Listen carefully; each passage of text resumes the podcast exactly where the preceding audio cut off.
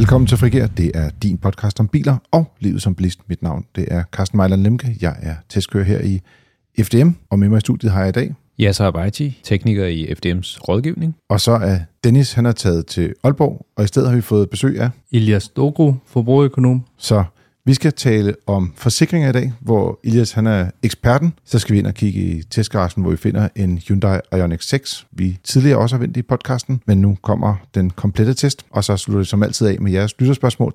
Der er Jesper, som godt vil have lidt opklaring på øh, mine øh, skal man sige, sommerferiekvaler omkring bilforsikring øh, i udlandet. Og så har vi også et spørgsmål fra Mogens, der gerne vil vide lidt omkring hans Skoda Fabia kombi, hvor at øh, han har nogle tekniske spørgsmål omkring tilsudning og så videre.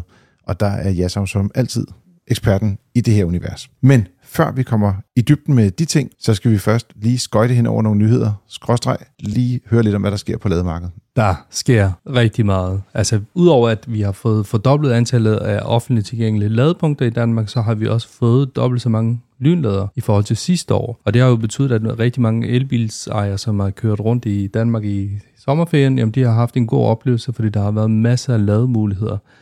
Vi har jo tidligere snakket om det her med rækkeviddeangst. Den har vi erklæret død, fordi der er nu så mange biler, som har en fornuftig rækkevidde. Jeg tror også, vi efterhånden er ved at aflive det her med ladestress. Altså kan jeg komme til at lade, når jeg har brug for det, fordi der kommer mm. så mange øh, nye ladepunkter. Men det, der er jo også interessant, at der også kommer nye interessante spillere på markedet. Det er jo sådan, at de sidste uge var vi ude og sige det her med, at nu havde Nordlys lavet en aftale med McDonald's på 75 af deres lokationer, øh, så der kommer rigtig mange lynlader den vej. Men derudover så har Vejdirektoratet også haft et udbud i løbet af sommerferien, hvor der er, er flere steder i landet, der kommer nye lynlader. Og øh, noget af det interessante ved det, det er, at, at det, det hollandske store ladeselskab, som hedder Fastnet, de kommer faktisk til Danmark. Og det er jo ret store for dem, øh, der kører rundt i Europa, så har de sikkert mødt deres fantastiske lynladepakker, så de nu entrerer Danmark. Og derudover så den øh, franske oliegigant Total Energies, de springer også ud som ladeoperatør i Danmark. De er allerede ladeoperatør i Frankrig, men nu går entrerer det også i Danmark. Og så har vi også fået en, øh, en ny hvad hedder, ladeselskab, der hedder EDF Danmark, og så er der det der Power Go, og så der sker rigtig meget på mm. det marked. Og derudover så har Clever også fået nogle nye ladepunkter, og Tesla udvider hele tiden. Så der sker rigtig meget på det punkt. Hvis man skal lige små perspektivere lidt på det. Øh, der, vi taler om det her med, at der er blevet dobbelt så mange lynlader, og antallet af offentlige lydpo- øh, ladepunkter er også fordoblet. Men der er jo også helt vildt mange private lader. Der har vi bare ikke så nemt ved at få et overblik over det. Vel? Altså, der er ikke en database over det. Det er rigtigt forstået, ikke, Elias? Nej, det har vi ikke, fordi øh, altså, man kan jo sige, for folk, der har mulighed for at lade hjem og have en privat boks, jamen, der kan man måske lige have en idé om, hvor mange ladebokser der er derude. Og vi skal også huske, at hjemmeopladning, det er jo ryggraden ved hele det her med mm. opladning. Men der findes jo også ret mange semi-offentlige ladepunkter. Altså, når du kommer til et hotel, så har de en parkeringsplads, hvor der er ladepunkter. Når du kommer til store center, jamen, så mm. er der jo også nogle ladepunkter, som ikke nødvendigvis fremgår i den her oversigt, øh, som vi lige har henvist til. Så jeg tror, at der er dobbelt så mange semi-offentlige ladepunkter, og så er der måske også fire gange så mange private ladepunkter. Så, så der er rigtig mange ladepunkter i Danmark. Men det understreger også den point, du havde med, at det der med ladestressen, som der var på et tidspunkt, hvor folk var lidt bange, og er der kun så så få lader per bil, jamen der er i virkeligheden også hele den private ryggrad og hele den der semi-offentlige ryggrad, der ligger ved siden af, og så den der kæmpe vækst, der også sker på de rigtige offentlige lader, kan man sige. Enig, øh, og der kommer jo også mange biler, ikke? så vi skal jo ja. hele tiden holde øje med, om, om, om, om de antal ladestander, der er derude, om de så kan svare i forhold til de her biler, der er. Vi, er jo, vi har jo lige rundet 150.000 elbiler i Danmark, og vi skulle gerne have en million i 2030, så vi skal også have mange fordoblet ladepunkterne, men det er jeg ikke i tvivl om, vi kommer til. Jeg har en nyhed med øh, fra øh, ja, transportministeren. Øh, det er, det er altså, de gode ven. Ja, nej. Det, øh, det er faktisk sådan, at øh, DR havde et, et, et program øh, i kontant øh, omkring øh, sådan noget som, øh, som fjernsyn, som vi kalder det. Altså man syner en bil, uden at øh, bilen overhovedet har været forbi en synshal. Øh, fjernsyn, sms-syn, sortsyn, det, det, det, det har mange navne. Og øh, det har man valgt at, at gøre noget ved øh, inden for Christiansborg. Øh, jeg, jeg vil lige starte med at, at sætte det lidt i perspektiv. Øh, der synes 1,3 millioner små køretøjer, det er jo så øh, biler, kan man sige, øh, om året.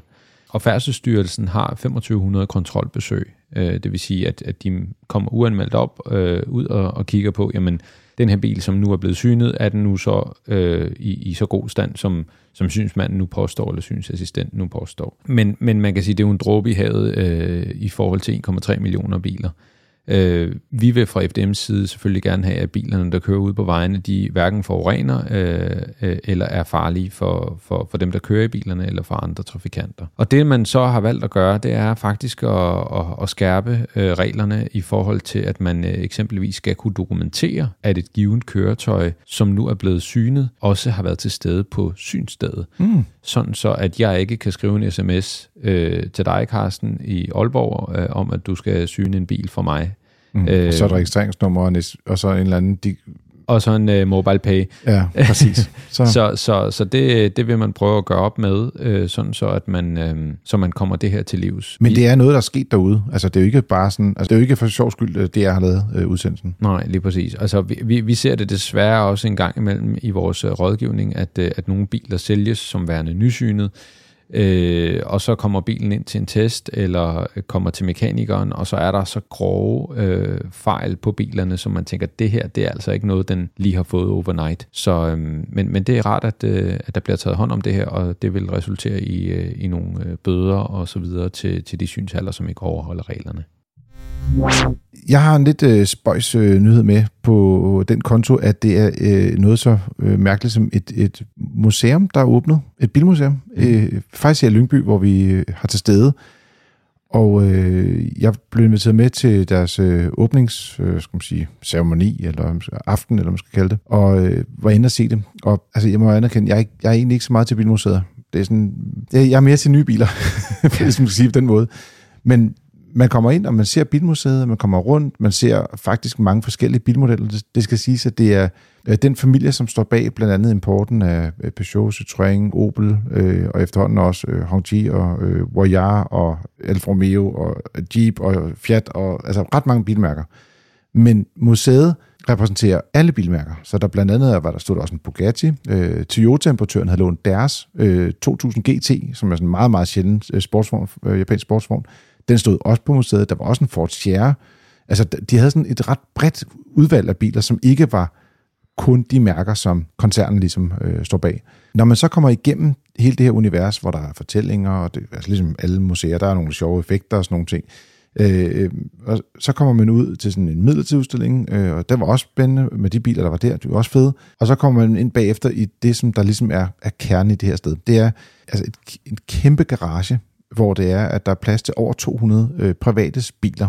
Og de har udlejet de fleste af de billige pladser, så at sige, dem der koster 1.500 kroner per, per måned i, øh, i husleje. Og, og det, der er fedt, det er, når du så kommer derind, og især til vinter, tror jeg, at det bliver fedt at komme rundt og gå og kigge på alle de her, altså plus 200 forskellige biler, fordi så får du ikke bare museet, men så får du bare alle mulige folks forskellige drømmebiler, som de ligesom har kunne realisere øh, i Storkøbenhavnsområdet. Så der er mange Porsche, vil jeg sige. Mm-hmm. men, men det gør ikke noget. Altså, der, så der er mange forskellige øh, biler. Der er også lidt mange biler. De har også nogle transporter.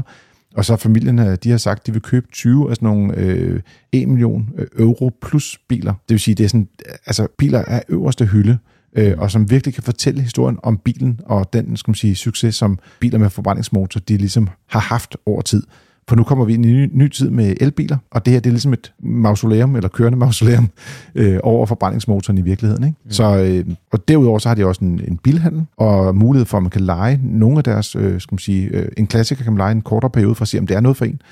Så hele den der samspil, som går, øh, selvfølgelig også restauranter og øh, selskabslokaler og alt muligt andet, men, men det er helt det der med, at, at du får ikke bare et museum, du får også det der med de private biler, og du får også den der, altså de biler, de havde til salg, at de var for det første sindssygt dyre, men de var bare i top, top klasse. Og der var både, øh, altså der var mange forskellige bilmærker dernede i, i, i kælderen, så at sige. Mm.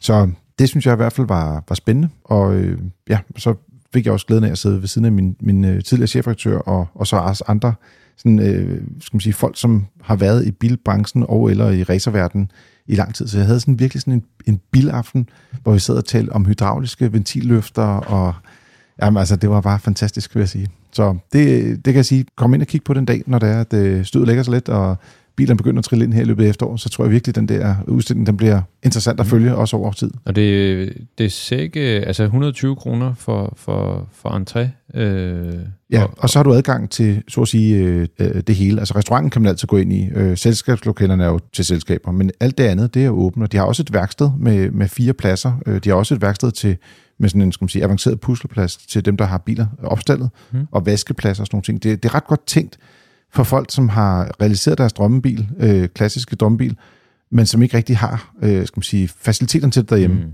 så kan man gøre det her i stedet for. Der er jo også andre steder. Jeg mindes, der kommer også noget i Bagsvær, hvor man, hvor man kan gå ned og se på noget klassiske biler også, ikke? Ja, det, det er et øh, øh, museum, øh, det hedder Honing Collection, og det er faktisk rigtig flot, øh, mm. også rigtig godt lavet, og jeg synes virkelig en god stemning derinde. Men der har den ikke den der, øh, skal man sige, det der tilføjelse af, at du har alle de private biler oveni. Og det er bare det der med volumen, altså nu ikke, der stod måske 30-40 biler og sådan noget Mm. ved åbningsdatoen, ikke? Og det er også mange, der lige nu bruger deres klassiske biler ude, ikke? Mm. Men konceptet er jo, at, at de har bemandet stedet til kl. 11 om aftenen hver dag. Så wow. folk kan komme ind og sætte deres bil og køre med den igen, eller du ved... Øh, det er ret spændende, når der sker sådan noget. Der, der findes noget i udlandet, Mejlenværk og så lignende, som, som, som driver noget for, skal man sige, entusiasterne. Ikke? Så, men øh, det hedder Classic Car House, og det ligger i Lyngby, og som jeg så sagde, det er, øh, der er en betaling for at komme ind ad døren. Det er ikke gratis, Mm. men der er også en oplevelse, der venter.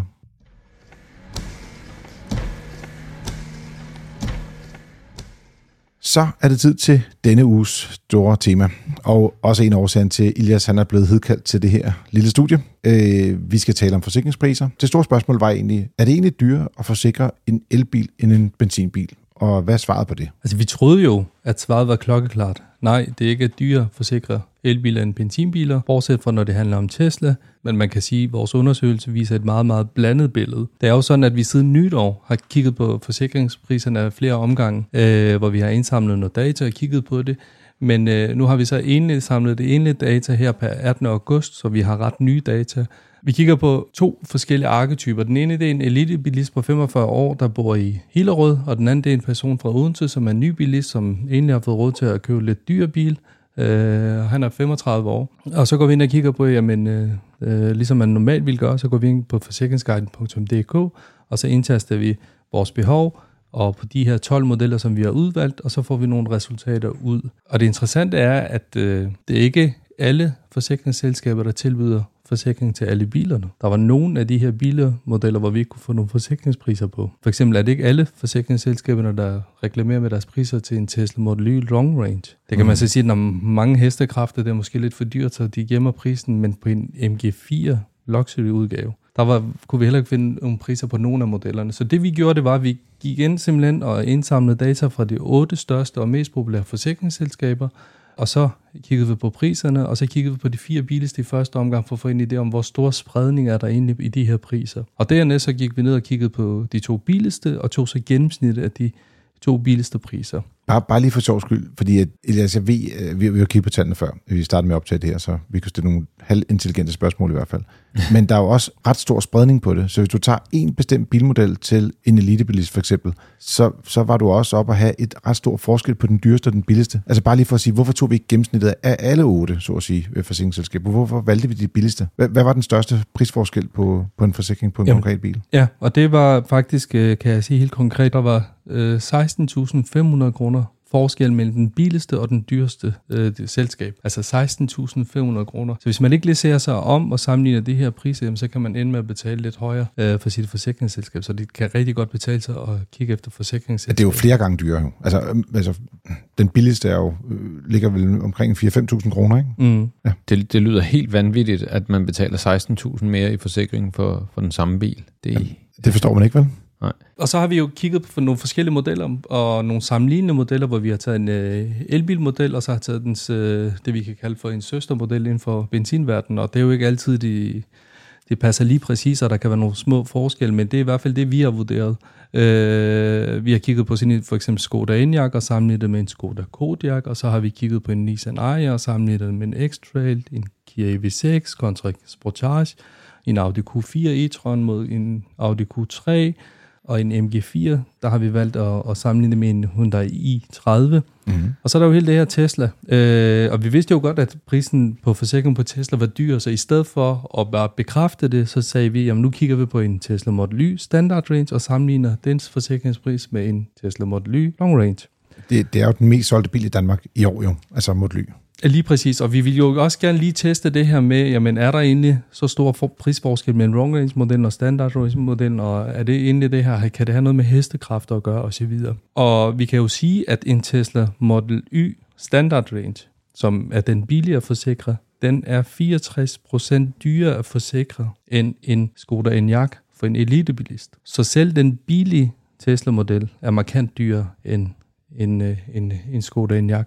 Og hvis du kigger på long range, så er den faktisk næsten dobbelt så dyr at forsikre som en Skoda Enyaq. Så der er virkelig, virkelig prisforskel, når det handler om Tesla.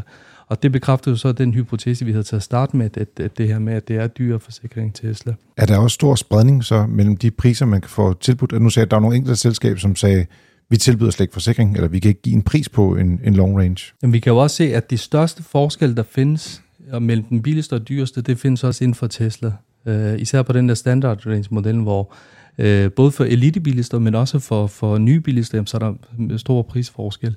Uh, for, for en elitebilist er der tale om cirka 8-9.000 kroners forskel mellem den dyreste og den billigste, og for en ny bilist er det uh, de her 16.500 kroner. Det lyder helt sindssygt, det der. Altså, det, det er godt nok mange penge for det samme produkt. Ja, og ja. Det, det er også derfor, det, det er interessant det der med, at altså, det er også for en god undskyld, altså FDM har jo øh, et forsikringsselskab, der hedder FDM Forsikring, og det kan man jo selvfølgelig godt få et tilbud på. Mm. Men for os var det vigtigt her at gå ind og sige, godt, nu kigger vi på de otte største og mest populære selskaber. Vi vælger altså 1000% kun efter de billigste to, og så går vi efter og siger, godt, og hvor stor spredning er der så på den? Vi oplyser ikke, hvad for nogle selskaber vi har med. Vi oplyser heller ikke, om FDM er dyrest eller billigst i de her tilfælde. Det må folk selv gå ind og finde ud af med deres egen profil. For os var det vigtigt bare at fortælle, at der er rigtig mange penge at hente i forsikring, og det er noget, man skal være opmærksom på, når man er bilist. Og man kan også gøre det, selvom man har købt bil for to år siden, og, og har bilen stadigvæk nu. Det behøver ikke at være i forbindelse med et bilkøb, så at sige. Hmm. Nej, fordi det er, jo, det er jo rigtig vigtigt at sige det her med, at, at man skal jo ikke kun kigge på forsikringsselskab, når man får en ny bil. Man skal jo hele tiden se sig for, altså et godt råd fra FDM, det er, tjek dine forsikringer årligt, og uanset om det er bilforsikring, husforsikring eller noget andet, for der er faktisk rigtig mange penge at spare. Øh, og typisk er det jo sådan, at det er de mest loyale kunder, der bliver straffet, fordi de nye kunder, de får altid sådan noget, et eller andet kampagnetilbud. Sådan er det øvrigt på mange andre markeder også, ikke kun mm. på forsikring. Men typisk er det jo også sådan, at, at de gamle kunder, de skal altid betale den gamle pris, som typisk også er højere. Øh, så det kan godt betale sig at øh, kigge efter forsikringen. Hvis vi lige kigger på, på, på priserne igen, jeg ved godt, at jeg slynger en masse tal ud, det elsker jeg. Øh, man kan også gå ind på fdm.dk og læse tallene derinde, hvis man gerne vil det. Præcis. Jeg vil bare lige sige, at det der Model Y Standard Range er cirka 14% billigere at forsikre end en, en uh, Model Y Long Range. Og der er der jo det her med, hvis det er den samme bil, måske øh, forskellige batteripakke og, øh, hvad skal man sige, rækkevidde også, øh, kan det så have noget med hestekræfterne at gøre? Altså har hestekræfterne noget på spil her? Og der er det jo, vi gang på gang får at vide af forsikringsselskaberne, at hestekræfterne har betyder, altså en elbil øh, i den format er ikke dyr at forsikre, fordi det er en elbil, men det er typisk, fordi den har hestekræfter, men hestekræfter betyder heller ikke noget i sig selv alene. Det er jo fordi, hvis der er flere hestekræfter, jamen, så er sandsynligheden for, at der sker noget, der er voldsommere større, og det gør, at, at prisen er, øh, hvad skal man sige, øh, lidt dyr. Øh, et typisk forsikringspris består af jo 30 forskellige øh, delelementer herunder, hvor du bor, hvor gammel du er, og øh, om der sker øh, for mange bilbrand der, hvor du bor, eller øh, og så videre. Og, og, og, men, men en del af det er jo også det her med værkstedsregninger og reparationsomkostninger. En Tesla er jo dyr at, at reparere, det ved vi jo godt. Ja, det, og, og også kan man sige, der har generelt set været en tendens til, at folk, der er skiftet over til en elbil, især det første år, de har skiftet, øh, får flere skader end øh, jeg skal sige, folk, der kører almindelige benzin- eller dieselbiler. Ikke? Der, er, der, er, der er lidt højere skadesfrekvens, kombineret med, at Teslaen så også er dyre at reparere, fordi at deres biler ikke er bygget på en måde, hvor de er billige at reparere. Øh, ja, altså jeg så sådan en øh, annonce på Facebook for nylig fra et forsikringsselskab, der sagde, at 50% af elbilisterne fik en skade inden for det første år. Og der var bare sådan, lyder det ikke lidt for højt? Men det passer måske meget godt, fordi det er en ny bil, den accelererer hurtigt, og man skal lige vende sig til det, og så kan det mm. godt være, at man lige kommer til at køre ind i en øh, garageporten, eller et eller andet, øh, eller bakker tilbage i en ladestander, som, øh, som vi nævner du, ikke nogen som, navn. Som du gjorde. Ja. Og tillykke med det. Så fik du også øh, ligesom øh, budt den bil velkommen ind i familien. Jamen, øh, tusind tak, Elias, for ligesom at gøre os øh, klogere. Har du en, øh, en pointe eller tre, ligesom for at ligesom hjælpe vores folk på vej? Jamen, jeg synes bare, at, at vi kan jo gå, give et øh, par råd på vejen til, hvad, hvad man skal gøre, øh, når man er ude på, på sådan et marked for, for, mm. for hvad skal man sige, øh, hvis man skal have en ny forsikring, eller øh, have en ny forsikring til en eksisterende bil, jamen, så er det det bedste råd, det er, at du skal ikke have et livslangt forhold til dit forsikringsselskab. Du er altså ikke gift med dit forsikringsselskab, så bare fordi du har et forsikringsselskab, så er det ikke ens betydende med, at du ikke kan skifte. Og det andet, det er, at bilforsikring, det er faktisk ret ens produkt på tværs af forsikringsselskaberne. Så man kan benhårdt gå efter prisen. Øh, og der er det jo rigtig godt, at vi både har sammenlignet og forsikringsguiden, hvor man kan gå ind og sammenligne det her. Og så en anden ting, det er, at, at mange af de her forsikringsselskaber, de lokker jo med samlerabatter. Øh, og der har jeg tidligere lavet flere undersøgelser, og jeg har øh, læst nogle ret nye undersøgelser, der viser, at det er ikke altid samlerabatter batter. Det kan godt være, at du får billigere forsikring, hvis du samler alle dine forsikringer, men du skal jo kigge på det samlet. Problemet med samlerabatter, det er bare, at det tager så lang tid at gå ind og kigge på fem forskellige forsikringsprodukter hos otte forskellige selskaber, og så skal man virkelig have god tid til det, så skal man virkelig vælge det. Men der er nogle penge at spare i sidste ende. Så er det tid til at gå i testgaragen, og derinde der holder der en Hyundai Ioniq 6. Vi har været ude køre den i en version, der hedder Long Range Advanced, og øh, så og jeg, vi har kørt i den øh, med 18 tommer fælge, Mm-hmm. Og så da vi kom hjem, så fik jeg lige smækket sæt 20 tommer ruller på, og så kørte vi med det også. Øh, og det er den skal man sige, test, som vi har taget udgangspunkt i øh, på vores hjemmeside, fdm.dk, hvor man kan gå ind og læse vores, øh, vores test af bilen, hvor vi også har sammenlignet med en BMW i4 i den billigste variant. Og jeg vil sige, som udgangspunkt er det jo en relativt effektiv bil. Man kan få med de her to fælge, 18 og 20 tommer. Der vil jeg gå efter de mindste fælge, fordi at det giver en øh, markant længere rækkevidde. Også i praksis. Øh, vi kørte... Øh, 465 km øh, med, skal man sige, med de store fælge på, hvor der var mere vindmodstand, øh, og, og hvad det, lidt dårlig aerodynamik. Du har også en lille nørdehistorie der, tror jeg, ikke altså, vi kan tage. Og så, øh, hvad det, med skal man sige, de smalle fælge, der kørte vi så øh, 510 km. Så det er noget længere. Ja, altså øh, bredden på, på dækkene gør, at øh, rullemodstanden den bliver højere, og plus den her bil, den er faktisk designet øh, til at køre på de her 18 tommer, øh, fordi der sidder nogle, nogle vindgardiner ude i fronten, som gør, at øh, luften skal ligesom kunne komme rundt om hjulene, øh, sådan så man øh, opnår noget mindre vindmodstand. Så hvis rækkevidde betyder meget, øh, og det gør det jo som regel, når det er elbil, så øh, vælg øh, den med 18 tommer. Øh, til gengæld synes jeg sådan æstetisk, så pynter det med, med, med de 20. Du kan godt lide lidt de så, store ruller. Så hvis du vil have street, uh, street credit, så, er det altså 20 tommer på. Jamen, øh, hvordan er det så øh, med den her bil? Den, jeg vil sige, det er, en, det er en model, ligesom Hyundai's andre, der har fem års garanti. Øh, det er klart på plussiden. Den har en rigtig god rækkevidde, især hvis man vælger det rigtige fælge og så lader den enten ekstremt hurtigt, eller bare rigtig hurtigt. Mm.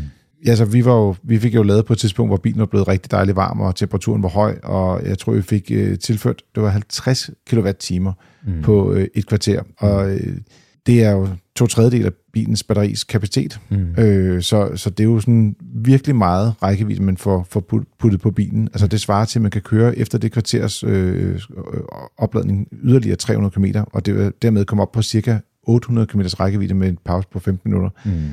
så er der ikke et problem længere med opladning. Nej. Altså det, det var også det, som, som, øh, som jeg synes var, var så fedt ved at, at køre til Garmisch-Partenkirken i den her bil. Det var bare, at den, altså den, den var så god til at lade, og, og det var ligegyldigt, at vi kørte 130 km i timen, og altså den, øh, den gjorde det bekvemt øh, at køre på ferie. Og nu var det jo selvfølgelig øh, lunt og og så videre. Så det skal vi jo selvfølgelig også prøve på et eller andet tidspunkt, når, når det er, at det bliver koldt, om, om den så kan forvarme batteriet og ligesom følge med, også mm. når, det, når, det, når det er rigtig koldt. Men det, altså, rammer man den rigtige ladestander, altså, så går det rigtig, rigtig stærkt. Den har også en ret god ladekurve, ikke? Altså selvom der er meget strøm på, så lader den alligevel ret hurtigt. Mm. Øh, altså ligesom altså mange andre biler, hvor den piker lige der, hvor den skal i to minutter, og så falder den drastisk. Og Ja. Jamen, den kan holde det længe. Jeg har også prøvet dem, hvor, hvor, skal man sige, hvor batterierne har været kolde. Det er jo samme batteri i Hyundai og skal man sige, Ioniq 5 også, og øh, Kia øh, EV6 har også lidt afhængig af antallet af moduler, også det Mm. samme batteri, øh, men, men sa- samme teknologi, kan man sige, på opladning. Øh, og der har jeg set nogle gange, hvor det er, hvis batteriet har været koldt og ikke kunne forvarmes, så, så lader den langsommere i starten, men så varm, lader, lader den så kraftigere til sidst. Mm. Øh, så ligesom om, når der kommer varme batteriet, så efter en halv time har du stort set samme effekt ud af det, men det er klart, på et kvarter er der stor forskel. Altså Mm. i starten, øh, hvis batteriet er varmt, så er der virkelig smæk på. Ikke? Mm. Så opladning, tjek. Rækkevidde, tjek. Så kommer vi ind i kabinen. Ja. Hvad siger du der? Altså, vi var ikke helt så begejstrede, vel? Nej, det synes jeg faktisk ikke. Altså, jeg synes, øh, det er jo ikke fordi, den er, den er dårlig, øh, og det er ikke ringe, men, men det er bare, jeg synes, fra, fra de bedste, øh, altså selve skærmen, er skærmens opløsning for eksempel, for at sammenligne med en øh, Tesla øh, eller med en Skoda, der synes jeg, at skærmen mangler noget opløsning. Så kvaliteten øh, af skærmen synes jeg ikke er høj.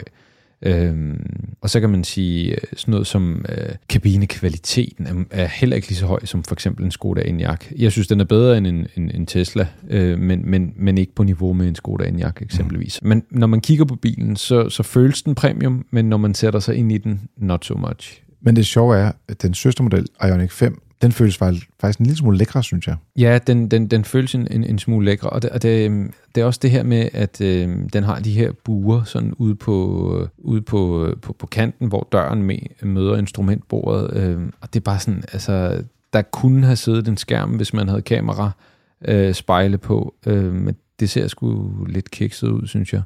Øh, men bilen, den kører godt, øh, synes jeg, øh, men kabinen, den er sådan lidt... Mm. Vi har jo den her Ioniq 5 som firmabil, øh, og jeg kører jo selv en Tesla Model Y, men da jeg sad i Ioniq 5, så synes jeg, der var alt for mange knapper. Altså, det var jo helt vildt at komme fra sådan en Tesla øh, interiør til, til, til sådan en uh, Hyundai Ioniq 5, fordi med knapper kunne du en hel masse ting, og det, jeg ved godt, det er sådan en smagsting, men der synes jeg bare lige, det var for meget.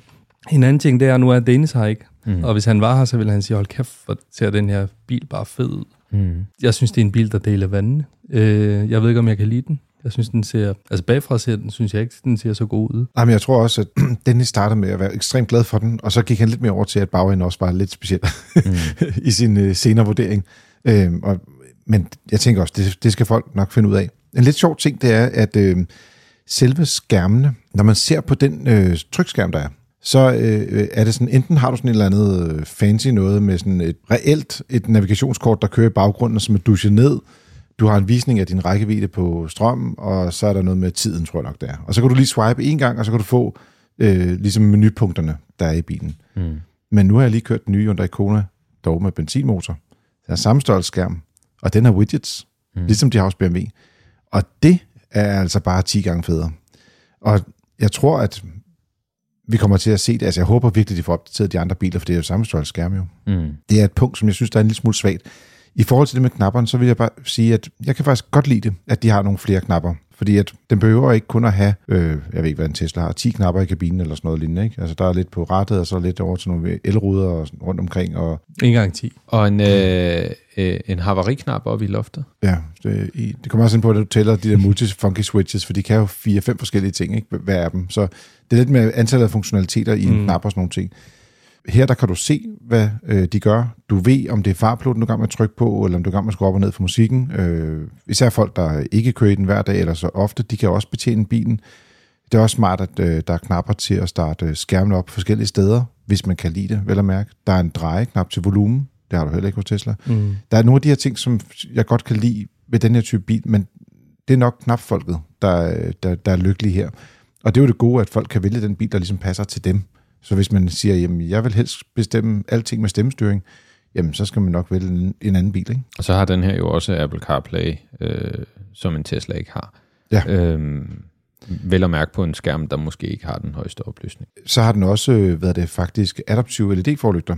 Og de var sådan en dårlig oplevelse og en god oplevelse, synes jeg. Nogle steder var det fedt, andre steder var det fungerede det faktisk ret dårligt. Det var ligesom om, at når, den lyser også op, for eksempel når du kører på motorvej på alle øh, skilte, der er ude i vejsiden. Og jeg ved ikke, om de har ekstra refleksmateriale i Tyskland, eller hvad der sker, men det var godt nok, ved at blive blændet hver gang, man kører Det var forbi et skilt. voldsomt, ja. Det var meget voldsomt. Men til gengæld er det jo fedt det der med, at du kan køre med langt lys, uden at genere de modkørende på, på landeveje og sådan nogle ting. Så, mm. så der er nogle, nogle plusser øh, ved det også.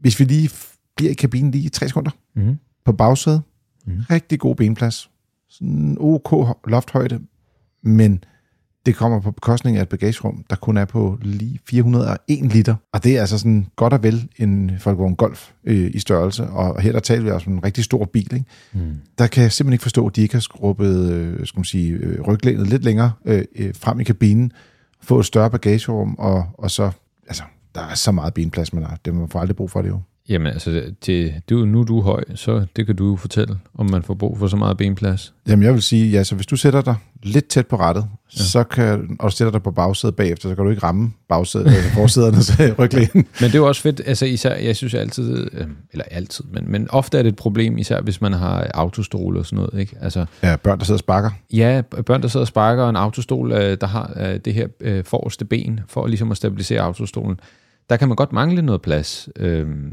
det tror jeg ikke, man får problem med her. Til gengæld så er der ikke noget bagagerum at smide barnevognen ind i. Og så har den også det her, den er sådan lidt over i det her biphelvede, vi er begyndt at få med alle de nyere øh, skal man sige, biler, der kommer på markedet. Øh, du kører 2 km i timen for stærkt, måske, hvis det er den rigtige fart, bilen har registreret for det område, du kører i. Øh, der er heller ikke nogen pulsfølger i rettet, så du får også en advarsel for ikke at holde ordentligt fast på rettet, når den kører med, den har en ret god styrehjælp faktisk, sådan en køreassistent.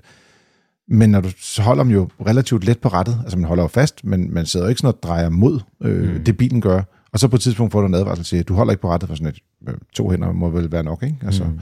Og der, den, der kunne man godt tænke sig, at den var lige lidt mere avanceret, hvad det angår, ikke? Men alt i alt synes jeg, at den får meget pæne ord med på vejen, Karsten, og fem stjerner, det er da ikke, øh, det er da ikke dårligt. Hvad synes du trækker ned?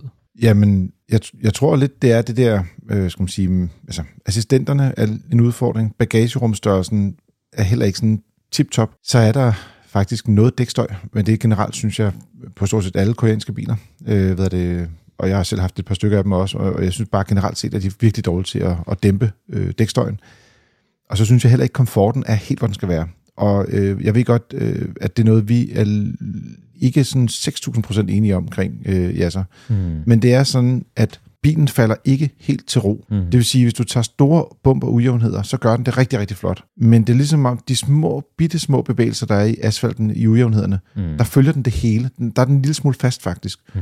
Og det gør, at når du kører rigtig langt, og hvis man, den her bil er jo skabt til at køre langt, så synes jeg, at den skulle have været lige lidt mere sådan blød i, i de, de små... Altså, den skulle ikke følge hele asfalten altid den skulle sådan glide lidt mere hen over asfalten, som vi oplevede, at uh, Skoda Enyaq'en for eksempel gjorde, den mm. med på vores test. Ikke? Mm. På trods af, at den kørte på markant, markant større fælge. Ikke? Mm. Øh, og det er, det er noget, man både har med 20-tommer, og man har det også med 18. Og der er ikke den store forskel, vil jeg sige. Det var ikke sådan, da vi kørte på 20-tommer, at den var markant dårligere affedret end med 18 tommer, faktisk. Det, var, okay. det, var, det overraskede mig faktisk en del. Mm. Så det generede mig en lille smule, og det vil sige, det skal man prøve, hvis det er, man er følsom over for den slags. Vi er enige om, den vi har testet her, det er long range modellen, ikke? Der findes en med... Ja, Mindre batteri? Ja, spørgsmålet er, om de tør kalde det short range, men det tror jeg ikke, de gør. øh, nej, nu var jeg lige inde og kigge på deres prisliste. Altså forskellen mellem den billigste med det mindre batteri er, altså prisen, der er den 375.000 cirka, og så den billigste med stor batteri, det er 399.000, så der er sådan cirka 25.000 kroners forskel. Mm. Altså normalt er jeg fortaler for, at man skal have mindre batteri, men når der kun er 25.000 kroners forskel, så kommer jeg lidt i tvivl. Mm. Altså, jeg vil sige, at den her bil er som skabt til at køre lange ture, og derfor så skal den have så meget kapacitet som muligt. Hvis du har en hverdagsbil, du kører kort tur med, fair nok, men den her bil er et andet univers. Og, og der er også en anden ting, det er, at jo større batteriet er, jo længere tid kan den øh, lynlade hurtigt. Der, der er nogle af tingene, som ligger lidt på, par, altså på de her parametre med, med batteristørrelserne. Så man kan se, når, når vi har de her biler, der har 100 kWh batterier, så kan de også lades hårdere i længere tid, end dem, der kun har batterier på øh, 60 eller måske 70 eller 80 kWh. Ikke? Mm. Så jeg vil øh, gå efter det her, og så personligt synes jeg jo også, der er en lille detalje i det, når man kører hjem til hverdag, at du kan jo så også lade til 90% på sådan en bil her, og så få en længere rækkevidde og kun lade lidt færre gange, og så vælge de dage, hvor det er billigt at lade, så kan du måske lade til en krone i stedet for at lade til to kroner. Mm.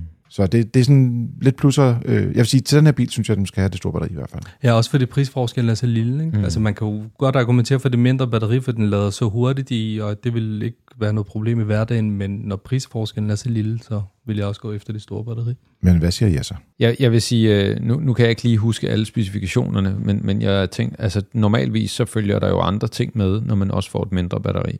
Og Hyundai, øh, altså man kan sige, spændingen den bliver lavere, det kan mm. også gå ud over effektiviteten. Vægten bliver lavere. Det kan være til gengæld, at man vinder noget på komforten. Nu har jeg ikke prøvet øh, den med det lille batteri.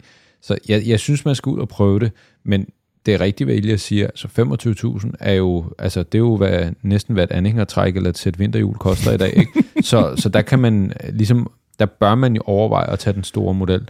Øhm, men jeg synes, for, for ens egen øh, skyld, skal man lige prøve begge biler, fordi de kan godt være øh, anderledes, øh, sådan køredynamisk. Men tjek øh, artiklen inde på fdm.dk, og du kan også se videoen der, eller inde på YouTube, hvor vi også har en sammenligning af den og BMW i4.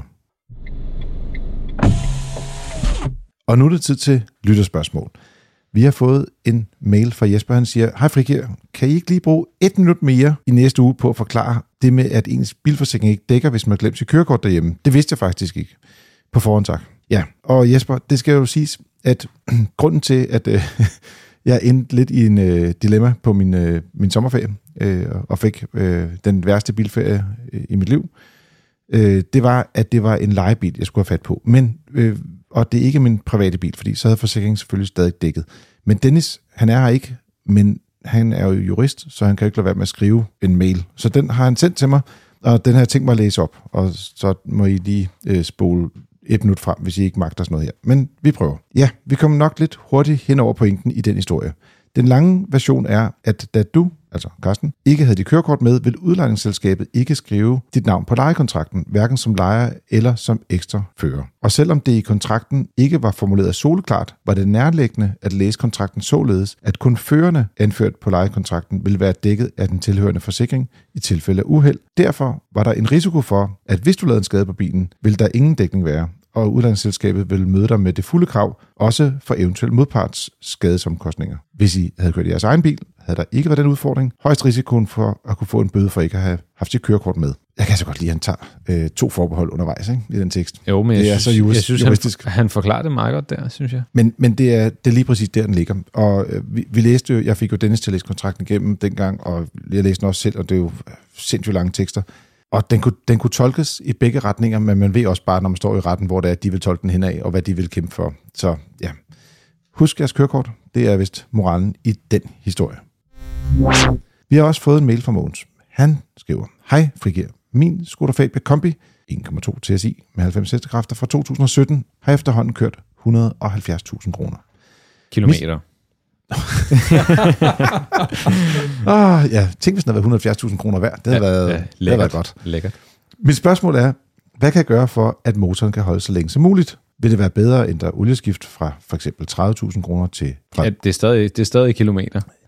jeg, jeg er simpelthen så fokuseret på penge lige nu. Det er helt sindssygt. Det er fordi Elias er med i studiet. Ja, det er det. Jeg, jeg kigger på Elias, og tænker kroner, kroner, kroner. Nå, godt. Han spørger, om han skal ændre sit olieinterval fra 30.000 km til 20.000 km. Og så siger han, tilsudning er en af de ting, der til synlandet kan følge med en moderne bil, som har direkte indsprøjtning. Er der noget, jeg kan gøre for at undgå det her? Så har han læst lidt om forskellige rensemetoder, additiver, forskellige typer benzin osv. osv. Så jeg tænker lige, der var lidt mere, men vi, vi stopper den lige her til at starte med. Mm. Er det en god idé at ændre øh, olieskiftintervallet ned? Det kan man gøre. Øhm, det kommer meget an på ens kørselsmønster. Øhm, det er jo sådan, at, at man kører med de her såkaldte long life olier i dag. Det er en olie af en meget høj kvalitet, øh, fuldsyntetiske øh, olier, som, øh, som gør, at man ligesom kan køre 30.000 km, øh, også for at, ligesom at, at nedbringe serviceomkostningerne. Det er typisk sådan noget, som man, man som flåde ki- kigger på, jamen hvad koster det at have 50.000 Skoda Fabia?